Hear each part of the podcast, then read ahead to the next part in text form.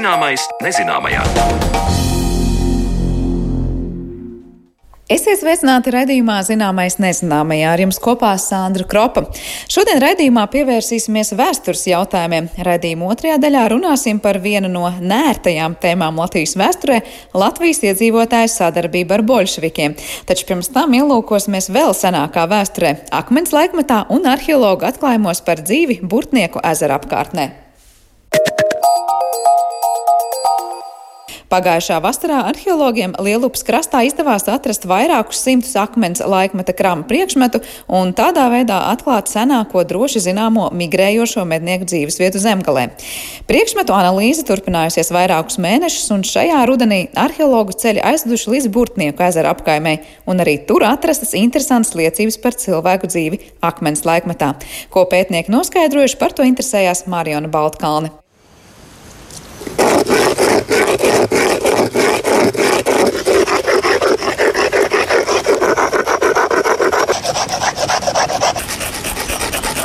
Tas ir kā meklēt adatu siena kaudzē.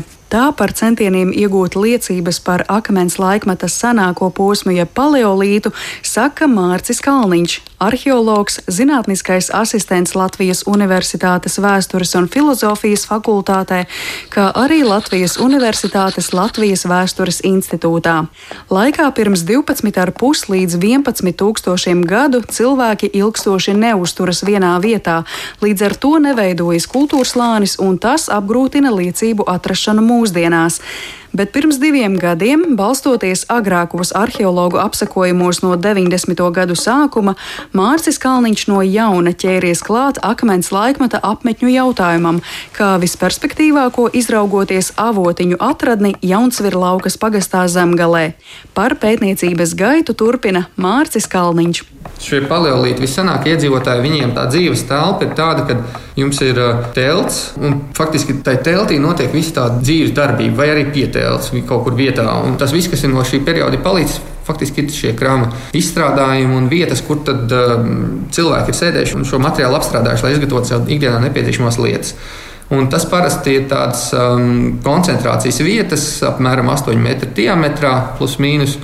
Un, uh, tā specifika ir tāda, ka viena vieta no otras ļoti bieži atrodas nu, gana tālu, vairāki metri pārdesmit metri. Līdz ar to, lai trāpītu vienai vietai tieši virsū, pētot, ir ļoti liela platība jāpēt. Nu, šeit mums tā teikt paveicās kaut kā apskatot tos zināmos materiālus un izanalizējot un aptuveni padomājot. Nu, kurā vietā tad varētu būt ar lielāko iespējamību. Nu, tur mēs arī mēģinājām un trāpījām virsū. Un tad arī attiecīgi divu gadu laikā ir izpētīti šī krama koncentrācijas vieta, pārpa 200 atradumi. Un jāsaka, tā ir otra līdz šim Latvijā zināmā tāda apmetnes vieta, jo pirms tam, protams, Salaspils laukskola, kur ir sešas šādas koncentrācijas vietas atrastas.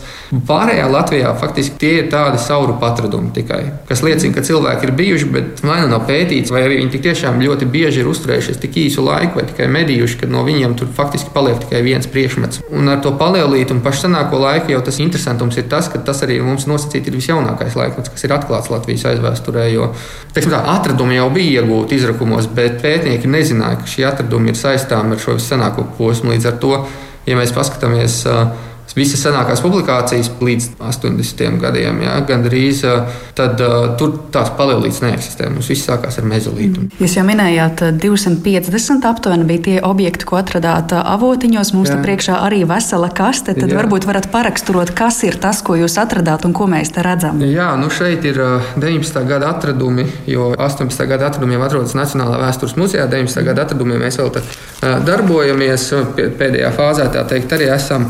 Šeit Šeit jūs redzat, lielākā daļa no šiem ir dažādi kramenāži. Un, uh, pateicoties sadarbībai ar lietuviešu kolēģiem, mums ir veikta arī šī traseoloģiskā izpēta. Traseoloģija ir zinātne, kas palīdz noteikt arī, kas ir darīts ar priekšmetiem. Un tad mēs zinām, ka piemēram šī šķila ir atšķelta tā, no tāda kodola, izmantojot uzsitienu, nedaudz kādu mīkstāku priekšmetu, visticamākais uh, kaula ragarīku. Un viņi pēc tam ir izmantota gaļas griešanai, un manuprāt, viņi varētu būt izmantoti arī kaut kādai citādai, iespējams, kaula apstrādē arī. Salīdzinoši interesanti bija tika atklāts uz šīs arī šķilas fragmenta. Ja visās pārējās priekšmetos, nažos, šie naži tika izmantoti, lai grieztu vairāk vai mazāk gaļu, tad šis tika izmantots un ļoti aktīvi tika izmantots, lai grieztu niedrus. Kas savukārt ļauj domāt par to, ka nu, cilvēkiem tajā laikā, kas ir apmetušies īslaicīgi tajā avotiņa apkārtnē, viņiem iespējams ir bijuši celtnes ar niedru jumtiem, vai šīs niedras ir tikušas izmantotas, teiksim, gulēšanas vietas paklāšanai, lai būtu mīkstāks. Nu, tas, protams, ir tāda spekulācija, bet nu, katrā gadījumā mēs zinām, ka tas ir darīts. Um, Tāpat tās ir zināms, ka piemēram šo rīku sauc par kasīkli, un ar viņu ir kasīts un apstrādāta uh, āda. Ceko, lai nokasītu nost uh, lieko gaļu, kas ir vēl klāta pie ādas, lai lāda būtu izmantojama pēc tam apģērbos un citām lietām. Ja. Senāk krams ir tāds universāls līdzeklis, niedres griež, kasa, gaļu griež. Jā, nu, tajā laikā, ja mēs runājam par akmens laikmetu, tas ir um, viens no galvenajiem uh, izējumateriāliem, no kā gatavo. Faktiski ir kauls, krāms, un nu, vēlākā laikā arī māksla, nu, kad nāk keramika. Bet par paleolītu runājot, keramikas vēl nav. Tad arī, protams, ir gatavoti tādi lielāki priekšmeti, kā senākais Latvijas atradums, kas ir Linkbīts cīrvis, viņš ir no raga. Interesants ir piemēram arī šis atradums, jo tā ir bulta, bultas uzgalis. Mm kurš uh, nav izmantots. Viņš ir izgatavots turpat uz vietas, visticamākais, bet um, izpēte, trasoloģija uzrādīja, ka viņš nav izmantots. Šķiet, kopā bija deviņi būtu gali, pārējie astoņi bija izmantoti. Bet šis viens nav ticis izmantots. Viņš nav ticis arī pat iekārtots bultā. Līdz ar to mēs zinām, ka nu, tiešām viņi arī uz vietas tur ir gatavojuši. Tā kā tur tā būtu gala daļa bija salauzta, tad tas nozīmē, ka viņi tur aktīvi ir medījuši un krāmu uzgaļus asos ir ņēmuši ārā no būtām un likuši citus vietā iekšā, nu, tā teikt, labojuši savu inventāru. Bet tad sanāk, ja viņi pārvietojas un ja tie avotiņi ir tāda īslaicīga apmetne, tad tie cilvēki no kaut kurienes to krāmu atnes uz to apmetni un tur to sāk apstrādāt. Jā, nu, tas interesantums ir tas, ka Latvijā dabā šāds tieši krāms nav atrodams Latvijas teritorijā. Un tuvākā šīs iegulas ir Dienvidu Lietuva, Ziemeļa Polija.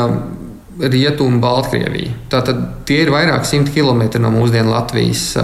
Šie cilvēki šeit uzturās īsu brīdi, pat iespējams, ka viņi no tās teritorijas ir paši atnākuši un atnesuši sev līdzi to materiālu. Trasoloģijā pamanītās pēdas ar aci saskatāmas nav, bet mikroskopā uz krama virsmas redzami vai nu kādi pulējumi vai nelielas rievas, un no tā var izsecināt, kā priekšmets izmantots. Avotiņos atrastie priekšmeti ir liecības Svidru Ārensburgu kultūrai, kas Eiropā bijusi pēdējā lielā paleolīta kultūra. Turklāt Latvija ir ziemeļu robeža šai kultūrai. Pētnieki avotiņos varētu atgriezties, lai meklētu vēl citas krama koncentrācijas, bet šī gada septembrī Mārcis Kalniņš ar starptautisku pētnieku grupu devies uz Burtnieku ezeru, pie kura zināms vairāk nekā 330 akmens laikmeta apbedījumu. Šeit mēs tā teikt vēlējāmies paskatīties plašāk un saprast, cik patiesībā šis uh, ezers bijis apdzīvots akmens laikmetā, jo tur vajadzētu būt krietni vairāk nekā ir šobrīd. Un te es arī varu parādīt uzreiz, kāds ir apmēram tas pirmais rezultāts. Līdz šī gada rudenim bija zināmas aptuveni desmit atradnes, bet septembrī atklātas jaunas. Arheologiem darbu var sarežģīt traktora tehnika, kas mēdz sadauzīt kramu formās, taču tā arī palīdz priekšmetus ieraudzīt.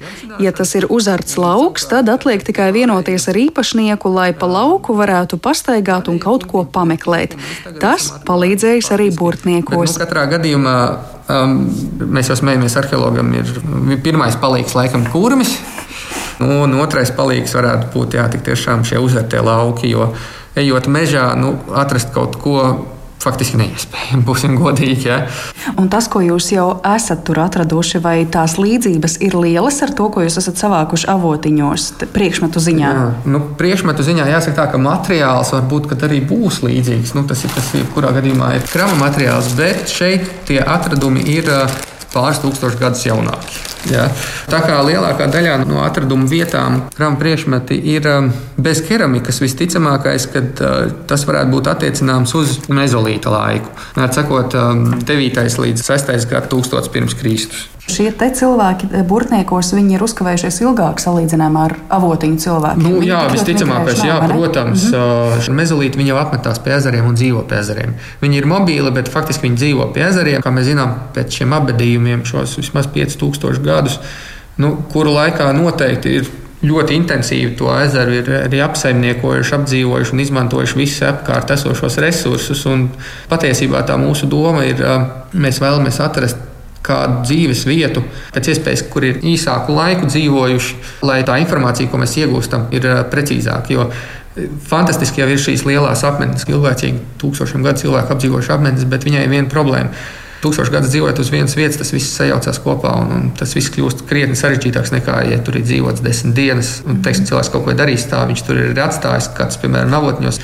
Um, tā atšķirība ir arī tāda, ka uh, avotiņos, protams, bija arheoloģiski izrakumi. Savukārt šī ir bijuša apzināšanas ekspedīcija, kur nekas netiek raksts. Mēs tikai staigājam, tīri ar vizuāli novērtējam dabas apstākļus un apskatāmies ja ir izārts uz lauka, tad mēs paņemam, piefiksējam, viņiem visiem ir numuri, viņiem visiem ir GPS koordinātas, kuras mēs pēc tam tālāk liekam uz kartes un analizējam. Bet nu, mēs jau domājam par nākotni, par arī kādiem lieliem starptautiskiem sadarbības projektiem, kur mēs varam iesaistīt nu, ne tikai arheologus, bet šo ezeru izpētē. Tur, protams, ir vajadzīgi geologi, paleovidas pētnieki, citu profesiju un zinātnīs nozaru pārstāvji, kas mums palīdz. Jo nu, viena lieta ir tas, ka mēs atrodam, bet otra lieta ir, nu, lai saprastu, jo arheoloģija jau nepēta priekšmetu, arheoloģija pēta cilvēkus. Un, un tā pamatdoma ir saprast, kāpēc cilvēks, vai cilvēks tur ir bijis, kāpēc viņš tur ir bijis, ko viņš tur ir darījis.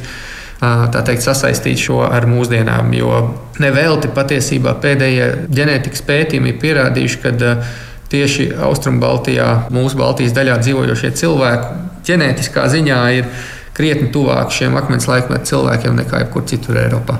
Pirmie cilvēki, kas paliek uz dzīvi mezolīta sākumā, paleolīta beigās, viņi tā arī nodzīvo tādā veidā, un visticamākais, ka uh, veido arī pamatmasu, no kā tālāk ir veidojušies arī uh, nu, mūsu zināmās etniskās vienības. Līdz ar to ir mums atrodami šie austrumu un rietumu mednieku vācēji gēni, kas ir uh, šiem pirmajiem cilvēkiem, kas ienāk mūsdienu Baltijas teritorijā.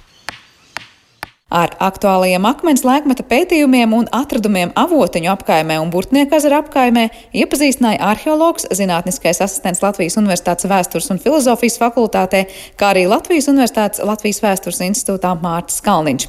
Ar viņu tikās mana kolēģe Mariona Baltkalna. Bet vēl citiem ar vēsturi saistītiem jautājumiem mēs pievērsīsimies raidījuma turpinājumā.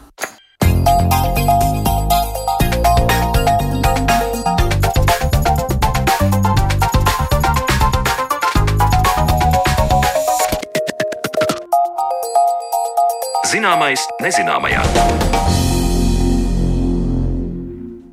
Pavisam nesen, kā iznākusi vēsturnieka Jāņa Šiliņa un žurnālista Māra Zandera grāmata ķēpīga tēma Latviešu bolševiku balsts. Grāmatas priekšvārdā Māra Zanders raksta, ka viens no iemesliem, kāpēc no šī varētu būt ķēpīga tēma, ir tas, ka mums ir ērti ignorēt kreiso tradīciju, jo šāda nostāja labi iekļaujas kolektīvās atmiņas konstrukcijā. Atnāca komunisti Krievi un okupēja mūsu latviešus. Atsakoties runāt par kreiso tradīciju, mēs mēģinām arī izvairīties no sarunas par pašu pašu latviešu līdzdalību ne tikai šīs tradīcijas eh, mērnākos novirzienos, bet arī komunismu versijā. Eh, par to, kāpēc un ko tad mums nav vērti atcerēties saistībā ar šo tēmu un vairāk par tikko minēto citātu, tad arī mēs runāsim raidījuma turpinājumā, jo esam sazinājušies ar vienu no grāmatas autoriem, vēsturnieku vēstures zinātņu doktoru Jānu Šiliņu. Labdien! Labdien, sveicināti! Eh, es te iesāku ar to, ko Mārcis Zanders rakstīja grāmatas eh, pašā sākumā, bet jautāšu jums, kā vēsturniekam, cik tad nērti ir šie jautājumi? Vai jūs, prāt, vēsturē tiešām ir tādi nērti temati? Nu, manuprāt, nevajadzētu, vismaz vēstures zinātnē, nevajadzētu būt nērtām tēmām, līdzīgi kā medicīnā, vai ne, nevajadzētu būt nērtām slimībām, kuras ārstiem būtu, būtu kuri kautrētos vai būtu kā liktos, ka nu, mēs to neārstēsim. Mēs to tāpat vēsturniekiem, kāpēc lai neapspriestu un, un, un nerunātu par par visām tēmām, ir ceļš, ja tās ir aktuāls līdz ar to, un jo bieži vien, jo tās ir neērtākas, it kā pēdiņās neērtākas vai noklusētākas, iespējams, tās ir vissvarīgākās tēmas. Bieži vien tā mēdz būt. Vai tas ir arī šajā gadījumā par šo latviešu dalību, nu, šajā te, jā, Nu, manuprāt, manu, tā kā es ar to nodarbojos ikdienā, arī pētu šos jautājumus, tad arī manā ģimenes vēsturē ir šīs lietas. Līdz ar to, līdz ar to es domāju, ka nu, manā subjektīvā skatījumā, protams, tā, tā ir svarīga un, un būtiska tēma. Bet, nu, es, protams, esmu ieinteresētā puse, jo es zināmā mērā ar to pelnu naudu. Un, līdz ar to, jā, 19. gads un sarkanie strēlnieki un latviešu komunisti ir ļoti svarīga, interesanta, ļoti nozīmīga tēma.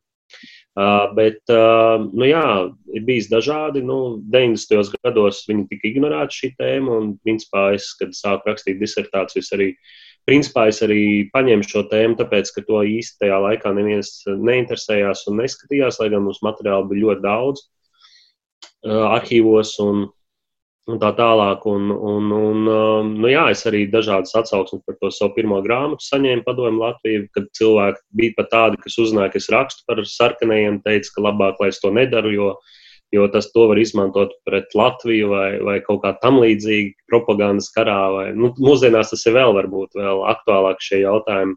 Bet tas jau bija tālākajā 2013. gadā. Līdz ar to tās tie, tie, tie noskaņojumi un attieksmes sabiedrībā uh, un arī akadēmiskajā vidē ir bijušas dažādas. Um, bet, uh, manuprāt, tā ir interesanta, svarīga tēma, par ko ir vērts parunāt. Un arī skatoties, kādas ir atsauksmes par grāmatu, pozitīvas, tad es domāju, ka tas ļoti labi, ļoti labi iedarās.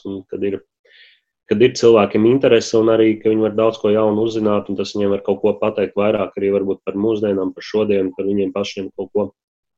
Tātad, sanāk, pētīta tēma ir maz, bet vai to materiālu ir pietiekoši daudz? Jūs teicāt, arī no vienas puses arhīvā ir. Te varētu teikt tā, ka mums apkārt ir materiāls, mums tikai varbūt pietrūks drosmes vai vēlēšanās to pētīt. Nu, ļoti daudz jau materiālu. Pirmkārt, nu, mums vispār vēsturnieki ir maz, un vēsture mums ir ļoti interesanta. Latvijas vēsture pat varbūt dažreiz liekas pārāk interesanta, kad ka, un sarežģīta, bet vienlaikus interesanta, un tad ir grūti to visu aptvert. Un, un, un, un tā, un daudz cilvēku varbūt arī nobīst no, tā, no tām milzīgām, milzīgām vēstures materiāliem, blāķiem un viss tā, kas ir noticis. Un kaut kādā mērā, varbūt tā, tā arī zināmā mērā Latvijas vēstures problēma, ka, ka, bet, bet darāmā ļoti daudz visās tēmās, un, protams, šī tēma arī, un, un, kas attiecas uz padomu Latviju, uz latviešu komunistiem un tā tālāk.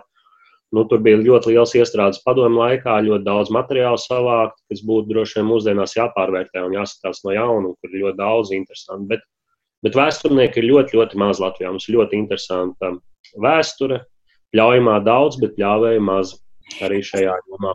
Tas, ko jūs minējāt tikko par tiem materiāliem, kas ir savākti padomju laikā, no vienas puses liktos droši vien ir daudz, bet, kā jūs sakat, ir jāpārvērtē. Vai šī tēma par, šo, jā, par to, cik daudz latviešu atbalstīju šīs kreisās idejas un arī padomju idejas, jūsuprāt, ir tāda īpaša riskanta, ka no vienas puses materiāli ir, bet tur ir ļoti, ļoti, ļoti kritiski jāpieiet tam, cik daudz un ko var izmantot? Uh, nu, tā ir vēsturnieka profesija. Uh, strādāt ar avotiem.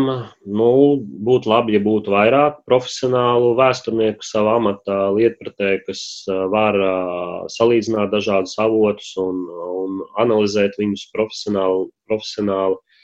Uh, bet, nu, protams, tas ir, tas ir grūti simts gadus senā pagātnē uh, iedziļināties, saprast visus tos kontekstus. Un, uh, un arī mēģināt kaut kādā veidā abstrahēties no mūsdienām un tiem mūsdienu kaut kādiem politiskajiem visiem diskursiem un politiskajiem trendiem kaut kādiem, kas kaut kādā veidā var ietekmēt tavus pētījumus. Bet, nu jā, tāds ir mūsu darbs. Nu, ne, nav jau tā, ka, kad ir ļoti viegli vispār analizēt informāciju kā tādu. Droši vien arī mūsdienu žurnālisti ar to saskarās, kad ir visādas problēmas saprast ziņu. Tur visādus kontekstus un ieinteresētās puses un tā tālāk. Un tas pats attiecas arī uz, uz vēstures materiālu analīzi. Tā arī ir, tas ir darbs ar informāciju. Un, nu, jā, nu, tas vienmēr nav, tas ir vienmēr tur ir savas grūtības un izaicinājumi, bet arī liela, liela pēc tam šī atdeve Pievienotā vērtība pavisam noteikti. Jautāšu tad,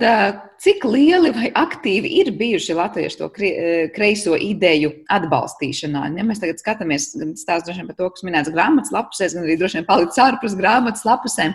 Kā jūs raksturotu, cik aktīvi ir bijuši latvieši tieši šo ideju atbalstīšanā? Um, nu, jāsāk droši vien ar to, kas, ko jau SKDS un Kaktiņš ik pa laikam atgādina, ka latvieši patiesībā arī mūsdienās ir ļoti kreisi noskaņot pat tie, kuri uzskata sevi par labējiem vai centriskiem, jo parasti viņi tajās aptauju atbildēs parādās, ka patiesībā, ja mēs skatītos klasiski, politoloģiski, tās ir tomēr kreisas idejas, kuras atbalsta lielāku valsts iejaukšanos un, un, un par val, valsts, nu, par dažād, dažādās tēmās, dažādās jomās. Līdz ar to man liekas, ka tā latviešu kreisuma nosacītā saknes meklējums 19. gadsimtā, mēs par to Zanderu arī ar Māriju par to daudz tur runājam grāmatā mūsu sarunas laikā. Uh, bet uh, nu, tas laiks, uh, 20. gadsimta sākums, bija varbūt raksturīgs ar to, ka, nu, ņemot vērā tā laika visādi šīs radikālos notikumus, revolūcijas un karus, uh, ka tas kreisums varbūt kļuva nedaudz izteiktāks un izpaudās vairāk uz āru. Jo pirms tam un pēc tam viņš ir vairāk maskētāks, tad nu, tas ir tas brīdis, kad ir nu, tas lielniecisma vilnis, kā to, kā to 90. gados sāka saukt. Um, 17. un 18. gads, nu, tas, tas laiks, un, un, un kad mēs varam runāt par šiem latviešu komunistiem tā tālāk. Bet nu, tā, tas kreis, tā kreisuma saknes ir latviešiem meklējums, manuprāt, dziļāk jau dzimbūšanas, atcelšanas apstākļos un pēc tam tajā, kas notika 19. gadsimta sākumā. Un viņš ir vēl ar vienu klātesošs. Līdz ar to, jā, vēsture ļoti interesanti, jo atrodot tās problēmas saknes, Un mēs varam arī lielā mērā saprast uh, to, kas ar mums šodien notiek. Un, nu, arī kaut kādā mērā līdzīgi, jā, analoģija ar medicīnu šodien jau pieminēja, arī līdzīgi, jā, kad parasti jāsaprot, nu, kā, ne, ne jau tie simptomi vai ne tik interesanti ir, bet tieši tie, tie iemesli, kā, kāpēc cilvēks ar to vai šo slimību slimo, un kā, tad var arī ārstēt. Vai ir iespējams paskatīties, nu, vai izdevās paskatīties, kas bija to cilvēku, kas bija šie atbalstītāji, nu, tās galvenās varbūt, es nezinu, motivācijas. Nu, ja mēs tikko pieminējām tas, ka patika cilvēkiem šīs kreisās idejas, tur vienlīdzības idejas un viss pārējais, ka vienā brīdī viņi nejūt, ka nu jau ar to vienlīdzības ideju viņi vairs ne, nepārstāv tikai to ideju par taisnīgumu, bet patiesībā atbalsta komunismu un visu pārējo pat neredzēja varbūt tās komunisma ēnas puses. Ir izdevies paskatīties, ko cilvēki īsti ir domājuši 20. gadsimta vidū kaut vai par šīm pašām vienlīdzības idejām.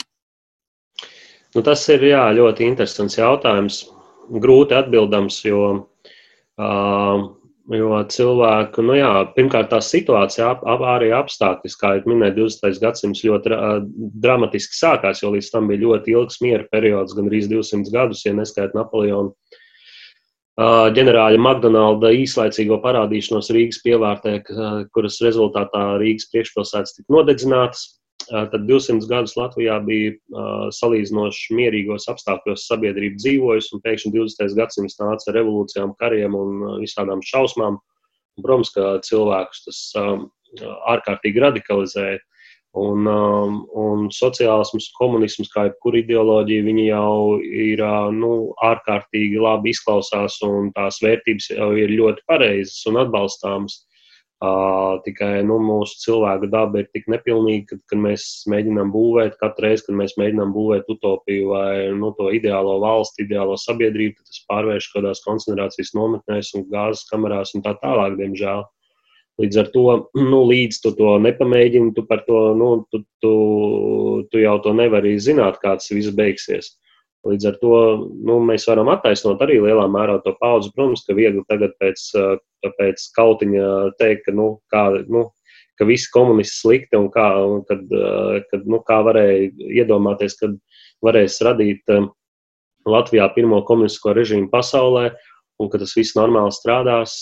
Bet toreiz tas likās, nu jā, kāpēc ne jāpamēģina. Tas ir nu, tāds, cilvēki dzīvoja tādā Uh, viņi bija lielā mērā, es domāju, tādā revolūcijas eiforijā. Bet pēc tam, tad, kad šie cilvēki, kas bija par reformām un uzlabojumiem, uh, Viņi saprata, ka kādā brīdī viņi patiesībā ir atbalstījuši, ja tā var teikt, tādas diezgan varbūt komunistiskas idejas un patiesībā kļuvu par tādiem nu, padomju savienības, pat varbūt tādiem, nu, nezinu, faniem vai kā.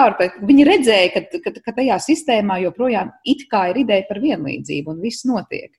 Proti, ka viņi nešķiroja, ka varbūt tajā apkārtējā vidē jau notiek deportācijas, notiek kaut, kāda, kaut kādas lietas, par kurām būtu kā, nu, jāiestājas pret nu, ar tām idejām, un ko cilvēki domā un kam pieslienas, tas jau ir slavenais teiciens, ne, ko atribūtē dažādiem, dažādām, dažādiem dižgariem, kas to iespējams ir teikuši. Ka tas, kurš jaunībā nav bijis sociālists, ir, ir bezsirdis, un kurš vecumdienās nav konservatīvais, ir bezprātis. Un jebkurš cilvēks, kurš aizraujas ar kaut kādām idejām, nu, viņi tajā pasaules, pasaules uzskatā mūža laikā notiek milzīgas, parasti milzīgas transformācijas, kas dažkārt met cilvēku no viena grāva citā.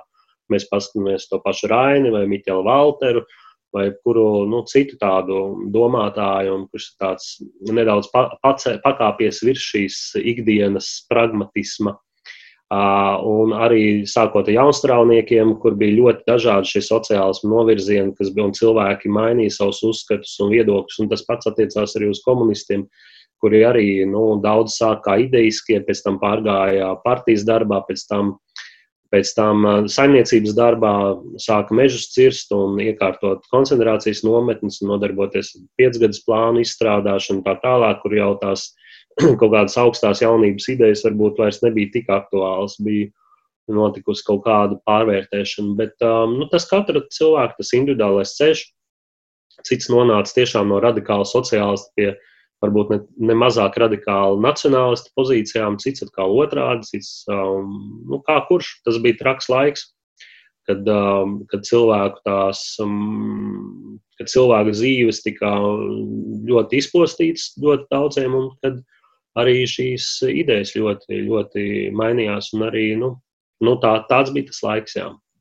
Es saprotu, ka jūs grāmatā arī aplūkojat jautājumu par to mm, cilvēku sadarbību vai pat būšanu par čekas daļu. Nu, Protams, ka latvieši, kas darbojās kā Kā, nu, tas tāds populāra, populāra tēma, par ko runā arī mūsdienās Krievijā, kad uh, tur tā tur strīdi par Latvijas vēsturi, vai ne, kas at, ir divas tādas populāras tēmas uh, par gadsimtu sākumu, kad runā, tad piemin latviešu sarkanos strēlnieks, ka jūs paši uzbūvējāt to komunistu režīmu.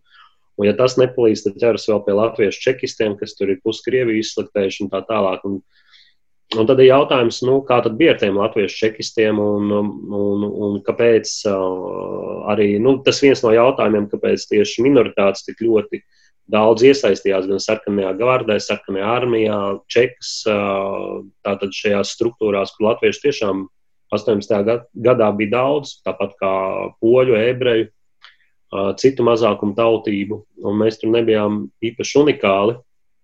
Varbūt nu, tikai tas, ka tas, ka nu, jā, mums bija šis, varētu teikt, pirmais uh, Krievijas tieslietu komisārs Pēters Stučka un kaut kādi cilvēki augstākos čekas amatos no sākuma, kas varēja kā, vairāk tos nabaga latviešu bēgļus, evakuētos strādniekus un strādnieces, kurām nebija īsti uh, no kā iztikt Krievijā, Maskavā, Petrogradā, tad iesaistīt jaunajā jaunajā superinteresantajā darbības jomā, kas saistījās arī ar, ar visādiem, visādiem šīm drošības lietām. Un, nu jā, liela, daudz latviešu tur strādāja, un sevišķi arī daudz sievietes arī strādāja, kā mašīnu rakstītājs, kancelēs darbinieces un tā tālāk. Bet, kad uh, 18. gada beigās uh, bija iespēja atgriezties Latvijā šiem cilvēkiem, tad uh, Izrādījās, ka gandrīz visi latviešu čekisti vēlas pamest Krieviju un braukt prom uz Latviju. Tad bija jāievieš speciāls aizliegums, lai čeka nepārtraukti darboties. Jo, ja pēkšņi visi aizbrauktu prom latvieši, tad čeka vienkārši apstātos. Un tas, tas ir kā parāda arī to, nu, to cilvēku motivāciju, ka nebija jau tā, ka viņiem tas darbs šausmīgi patiktu un ka viņi būtu tādi nagu malcēji, ka, ka, viņiem, ka viņiem tiešām gribētu strādāt šajā struktūrā. Bet ļoti daudziem vienkārši nebija citas iespējas, nebija citas izvēles tajā briesmīgajā Krievijas realitātē 18. gadā. Tas, ko bieži arī pārmet par mūsu sabiedrību, un dažkārt saka, nu, redz, kā vienmēr ir bijusi tāda pārbēdzēja vai tāda dubultās morāles cilvēku daļa, vai ir dati, kas liecina, ka tomēr mēs varam runāt par to, ka visos laikos ir bijuši ne tikai tādi, kur vienkārši bija spiesti strādāt šajās struktūrās, bet tādi, kur pēc pārliecības tur gāja, tāpēc, lai nu, pasargātu tā savu, savu ādu no, no, no, no nepatikšanām. Vai ir vēsturnieku, kā saka, zināšanu lokā tādas kaut kādi fakti vai cilvēki, mums tomēr ir bijuši cilvēki, kas mēģinājuši pieslieties. Nu, ja jau tagad tāda ir pie varas, nu, tad mēs būsim, kā saka, laudīsim varēja pa spalvai un iesim varbūt pret savu sirdsapziņu.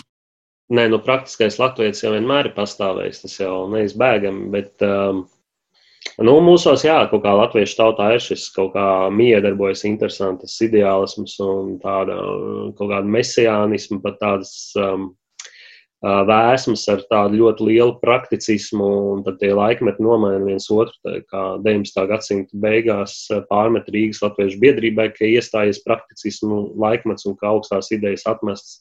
Tad nāk piektā revolūcija ar milzīgu ideālismu un augstiem mērķiem un skaistām nākotnes idejām. Pēc tam atkal nāk pirms Pirmā pasaules kara tieši pretējs virziens, ka mums vajag strādāt par šo šī režīmu ietvaros un nopelnīt pēc iespējas vairāk naudas un uztaisīt vairāk kredītbiedrību, uzcelt jaunākas, foršākas jūgenstila ēkas bulvāru lokā, bet, bet nu, vienmēr ir bijuši ļoti dažādi cilvēki. Tas jebkurā sabiedrībā ir cilvēki, kuri, kuri nu, pat ir, ir, arī, ir arī pat tādi ļoti sadistiski cilvēki bijuši, kad nu, arī um, bija tāds um, Mago vai Magone. Starp citu, par viņa biogrāfiju ļoti maz zināms, bet viņu uzskata par vienu no varbūt pat iespējams pasaules vēsturē visvairāk cilvēkus noslapkojošo cilvēku. Viņš bija lielā terora laikā viens no nāves sodu izpildītājiem, augstā amatā, visu Staļina laiku strādāja cītīgi. Uh, nu, tur tie skaitļi, protams, atšķirās, cik domāt, cik viņš varētu būt nogalinājis cilvēkus, bet laikam tur pat bija pat līdz desmit tūkstošiem vai kaut kas tam līdzīgs pašrocīgi. Nu, sadisti vienmēr ir bijuši. Un, Līdz sevišķi, ja mēs uh, skatāmies arī nu, tā laika, visas tās traumas, ko, ko tie jaunie cilvēki piedzīvoja, sākot 5. gada revolūciju un ar soda ekspedīcijām, un tas, ka viņu draugus un uh, skolotājus un paziņas nogalināja nežēlīgi. Pēc tam Pirmais pasaules karš, kurš arī dehumanizēja cilvēku ar visām tām lietām. Un, protams, revolūcija arī un pilsoņu karš tam galīgi nepalīdzēja. Un līdz ar to bija, nu jā, varbūt tas sadistu procents bija nedaudz pieaudzis sabiedrībā, bet uh, viņi, diemžēl, slēptā veidā vienmēr ir klātesoši kaut kur sabiedrībā. Tā ir tāda norma, diemžēl. Vai ir iespējams uzzīmēt tādu nu, portretu tipisko, kas bija tas kreiso ideju aizstāvis latviešu vidū? Vai tas būs vairāk tas, kurš ir par taisnīgumu un kaut kāds jauns, jaunības ideju maksimālismu mākslinieks cilvēks, vai pilnīgi citādāks būtu tas redzējums? Uh, nu, tas arī tāds, jā, nu, kā jau minēju, tad jauniešiem parasti ir piemītošs vairāk šis um, tāds uh, sociālais virziens, vai ne? Bet uh, Nu, jā, skatoties padomu Latvijas valdības sastāvus, arī tur savulaik analizēja. Tur nu, galvenokārt bija tādi 30 gadnieki, kuri arī bija piedzīvojuši dažādas ieslodzījumus un izsūtīšanas, eh, kādas represijas no cara režīma un piedzīvojuši piekto gadu. Un, uh, lielā mērā nu, jā, tā, tā bija zemnieku, strādnieku jaunatne lielākoties, lai gan uh, Rietumē Eiropā atkal mēs redzam, un arī Krievijā, ka ļoti daudz arī no inteliģences nāca no, arī no pārtušām ģimenēm. Ja mēs skatāmies pašus tos līderus, piemēram, Stučka Roziņš, viņi nāca no ļoti turīgām uh, zemnieku ģimenēm. Tas pats Rainis vai ne Jānis Pliekšāns, kuram varēja vecāki nodrošināt ļoti labu izglītību, augstskolas izglītību. Un piektā gada revolūciju mēs arī mēs dažkārt saucam par saimnieku gālu revolūciju. Tā ir, nu, un arī par Fran lielo franču revolūciju mēs bieži vien sakam arī, nu, kad un par revolūcijām kopumā, ka nu, nabadzīga sabiedrība jau netaisa revolūcijas, nu, nekādus nemierus vai sacelšanos pret pastāvošo kārtību no ļoti trūcīgas, nabadzīgas sabiedrības, kas katru dienu domā tikai par iztiku, jūs nesagaidīsiet. Lai gan šīs abas abi virzieni kaut kā satikās 19. gadsimta, 20. gadsimta mijā Latvijā, gan šī, šī inteliģence, kas nāca caur jauno strāvu ar Miķelu Valteru un uh, un uh, Raini, un Stučku, un Roziņu un uh, Jansonu Braunu, kuriem bija labas izglītības un, un kuri nāca no, nu, Miķels Valters, tas ir citādāk, bet tieši, tieši šie pārējie minētie, kur nāca no tādām turīgām aprindām, satikās ar šiem strādniekiem, kuri dzīvoja ārkārtīgi lielā, uh, nu, ļoti grūtos apstākļos, un ar šiem zemnieku tautas skolotājiem, kuri dzīvoja nevieglākos apstākļos un kuri, nu, jā, kaut kā, kaut kā tā sinerģija notika. Un, un no turienes arī auga šie gan latviešu sociāldemokrāti, latviešu sociālisti, revolucionārie beseri un arī latviešu lielnieki, komunisti vēlākie. Vai ir kaut kāds reģionāls atšķirības redzamas tajā, nu, kas varbūt virmoja gaisā, tur Latvijā, Zemgalē vai Vidzemē, nu, kur zemē šajos reģionos, nu, kādas bija tās atbalsta grupas vai formas tām idejām? Šis ir ļoti labs jautājums. To Zanders pat neiedomājās man pajautāt. Paldies par jautājumu. Jā, protams, reģionālās atšķirības bija. Latvijā, līdzīgi kā Lietuvā, komunistiem bija ļoti mazs atbalsts. Vienīgā reize, kad uh, Latvijā vēlēšanās šīs kreisās idejas triumfēja, bija 17. gads, kad balsoja par satversmes sapulces, Krievijas satversmes sapulces, kad uh, lielnieki dabūja 50% Latvijā, bet tikai tāpēc, ka latvieši uh, domāja, ka lielnieki vienīgie, kuri var uh, Latviju atdalīt no Vitebskas gubeņas un pievienot pārējai Latvijai, ko viņi pēc tam arī izdarīja. Pēc tam uh, latviešu komunisti paši teica, ka Latvija ir ļoti tumšs reģions, tajā ziņā tumšs, ka tur ir ļoti maz partijas biedru maz partijas atbalstītāju. Un tas bija līdzīgi kā Lietuvā, kur arī uh, baznīcai bija daudz lielāka loma, kur šie mācītāji Latvijā arī nospēlēja ļoti pozitīvu tādu uh, revolucionāru, bet nacionālu lomu 17. gadā. Un, principā, nu, Latvija lielā mērā palika imūna pret, pret šīm, pret šīm radikālajām idejām. Varbūt situācija mainījās 20, 30, 40 gados, bet, bet nu, tas arī lielā mērā liecina par to, ka tās saknes nāk no 19. gadsimta, kur, kur tomēr Latvija dzīvoja nedaudz atšķirīgu dzīvi nekā vidzeme un kurzeme. Un, savukārt, vidzemē un kurzemē nu, tie radikālākie reģioni bija, protams, pilsētas ar pilsētu strādniecību Un vairāk tie ziemeļu reģioni, kā vidzemē, tā būtu Rūjiena, Valmiera, Smiltene, tā puse, Limbaži, un kurzemē tā būtu vairāk Talsi, Ventspils, Tukums. Un arī, ja mēs pastītos, piemēram, 5. gada revolūcijas karti, nu, tad lielā mērā tas arī atspoguļo to. Un, un, un tur atkal arī bija lielā mērā, es domāju, tur tās saknes arī auga lielā mērā no 19. gadsimta, no agrārās reformas, no atvainot dzimšanas atcelšanas no tiem agrāriem apstākļiem, kas bija. Jo arī, piemēram, Ziemeļkurzemē nu, bija milzīgas, milzīgas mūžas, turpat desmitos tūkstoši hektāru. Un to bezzemnieku bija ļoti daudz, un netaisnības sajūta bija ļoti liela tajos cilvēkos. Un piektā gada revolūcijas laikā arī bija diezgan nežēlīga tur tā izturēšanās tajos reģionos ar visām soda ekspedīcijām, un arī okupā, Vācijas okupācijas laiks, Pirmā pasaules kara laikā bija diezgan uh, traumējošs. Tikko iedomājos, cik lielā mērā arī atšķirības varēja būt eh, paudžu mm, kontekstā. Nu, piemēram, tikko minējāt par to, ka tie sociāli demokrātisko ideju paudēji un, un var teikt, atbalstītāji lielā mērā aug tajā jaunatnē, kas bija tur to strādnieku vai zemnieku ģimenēs.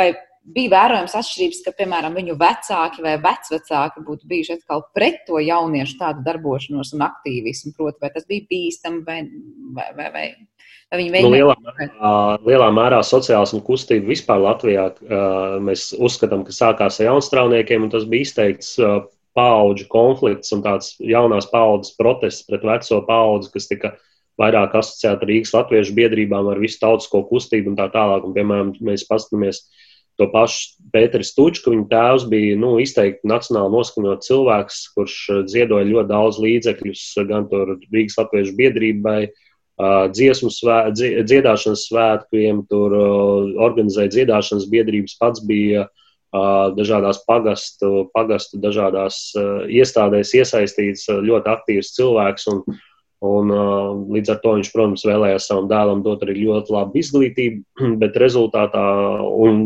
Pēters Stučka arī ieguva ļoti labu izglītību, strādāja kā advokāts, bet uh, Bet, uh, bet es nezinu, cik lielā mērā tur bija tieši tas uh, protests pret uh, savu tēvu, bet kaut kā viņš ļoti izteikti aizgāja šajos, šajā kreisajā virzienā ceļš pēc piektā gada revolūcijas, jo līdz tam viņš pat bija mērnāks kā Rainis. Jānis Pliekšāns bija sākotnēji ļoti kaujinieciski noskaņots. Bet, nu jā, kaut kādā mērā pauģu konflikts vienmēr, vienmēr pastāv, un arī tā, ļoti, jā, tādu gados vecāku sociāldemokrātu, komunistu 20. gadsimta sākumā pat nebija. Tā bija jā, tāda izteikti jauniešu, jauniešu kustība. Tā padomāja, es uzreiz tā nevaru iedomāties. Um, pamazām noslēdzot mūsu sarunu, vai izdevās rakstot šo grāmatu vai stāstot par šo tematiku, nu, pašam saprast, kuri mums ir tie iesakņojušies mīti par uh, un pieņēmumi par lūk, šo jautājumu, kad, kad latviešu vidū ir bijis ļoti daudz šo kreiso ideju atbalstītāju, kas viņi ir bijuši, kāpēc viņi ir bijuši un kā mums šie mīti un to šķietināšana var palīdzēt šobrīd, kā saka, dzīvot un saprast labāk lietas? Nu, mums tā grāmata tapa vairāk kā sarunas formātā ar Māri. Tā bija ļoti interesanta saruna. Es ka citi arī to novērtē, kā viņi izskatās papīra formātā, drukātā veidā.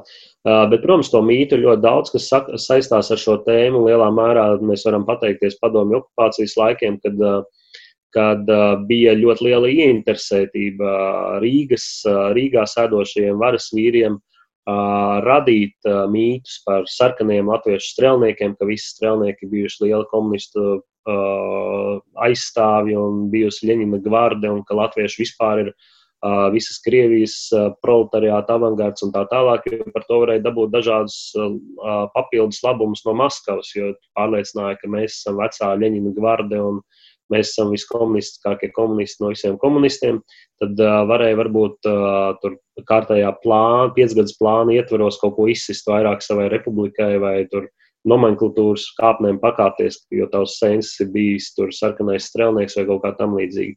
Līdz ar to padomu laikā tika ražot diezgan daudz mīti, kas saistās ar uh, latviešu komunistiem, ar latviešu uh, vispār šo sarkanumu tēmu. Tāpēc arī sarunā, nu, kad viņi pārlika papīra formātā, es lūdzu, lai tos sarkanos strēlniekus sarkanos liek pēdiņās, jo nu, cik nu, tur bija komunistu tajā vidū, tur kādi 5-10% maksimums. Un um, arī nu, kopumā. Kopumā arī runājot par to pašu latviešu dalību čekā vai citās iestādēs darbu, uh, Uh, nu, tas sarkanums, protams, diezgan, diezgan nosacīts uh, līdz ar to. Un arī, piemēram, tās pā, tā pati plintnieču tēma, arī, kas bieži tika cilāti sevišķi 20. un 30. gados, bet pie kuras arī pa laikam atgriežas par trakajām asinskārējām latviešu komunistēm, sievietēm, kuras te visu šāvušas un kārušas. Nu, tas, protams, arī ir lielā mērā mīts. Kas ir vairāk, nu, varētu tā teikt, kara propagandas rezultāts, kuru attīstīja vācu okupācijas iestādes un vācu baltiešu militārie formējumi, runājot par sarkanajām latviešu amazonēm. Lai gan vienkārši bija liels vīriešu trūkums tajā laikā, un latviešu komunisti saprata, ka nu, visiem vīriešiem jābūt frontē, un kas uzturēs kārtību aizmugurēs, protams, ka sieviete, līdz ar to sievietei iedeva šauteni. Uh, bišķi viņu apmācīja, un tad viņas patrulēja pa Rīgas ielām, un Rīgas pilsoņiem radās iespējas, lūk, ka visas latviešu sievietes ir šādas te komunistas ar, ar šautenēm plecā, un tad viņas, diemžēl, daudzas no viņām arī krita vai tika ievainotas kaujās Rīgā 1919. gada 22. maijā, un ir saglabājies man tāds ļoti tūs arī tāds atmiņu stāsts par vienu latviešu komunistu, kura līdzīgā kārtā, nu, uh, kur vienkārši bija precējusies ar, ar vienu latviešu komunistu, un, bet viņa arī bija kā, iesaistīta visā šajā padomju, padomju darbībā un tā tālāk. Lai gan es neredzu, baigi viņai tur kaut kādu idejisko to fonu vai sagumu. Viņa arī bija apmācīta, viņai bija tā šautena, un tad uh, bija ziņa, ka lūk, vācieši uzbruk Rīgai, viņai jādodas kaujā. Uh, Un viņa labu gribēdama uzvilka savu skaistāko jaciņu sarkanā krāsā, lai karotu ar pretinieku Rīgas ielās. Un, protams, ka šī jaciņa bija tik demaskējoša, ka jau pirmajā apšaudē viņa tika diezgan smagi ievainota, evakuēta uz aizmuguri. Nu, tā ka to stāstu un personīgo piedzīvojumu un atmiņu ir ļoti daudz un dažādu. Un, protams, to mītu arī ir, arī ir pietiekami daudz, un viņus vēl ar vienu mūsdienās ik pa laikam mēģina ražot. Un, Un, un it sevišķi spēlējoties ar latviešu strel, sarkano strēlnieku tēmu, latviešu strēlnieku tēmu vispār, kas ir milzīga tēma, protams, mēs to tagad vienkārši pieminu, bet mēs par to grāmatu arī diezgan daudz runājam. Tā ka, ja kādu tas interesē, tad lai uh, atšķir grāmatu un palasa nedaudz. Jā, paldies par šo sarunu un par to, kas grāmatas lapusēs arī fiksēts šobrīd. Tā kā skaidrs ir viens, mums ir daudz jautājumu, par kuriem domāt dziļāk, un tālāk un plašāk. Un, un, laikam, šī grāmata ir viena no tām iespējām, kā to vislabāk arī izdarīt. Šajā raidījuma pusstundā teikšu paldies par sarunu vēsturniekam un vēstures zinātņu doktoram Jānim Šiliņam. Pateikšu arī paldies raidījuma producentei Armītei Kolātei un mūzikas editoram Girtam Bišam, kas palīdzēja veidot šo raidījumu. Un piebildīšu, ka zināmais nezināmajā šo un citus stāstus var klausīties arī populārākajās podkāstu vietnēs. Ar to arī šai reizē raidījums ir izskanējis. Ar jums kopā bija Sandra Kropa un mēs tiekamies jau pavisam drīz.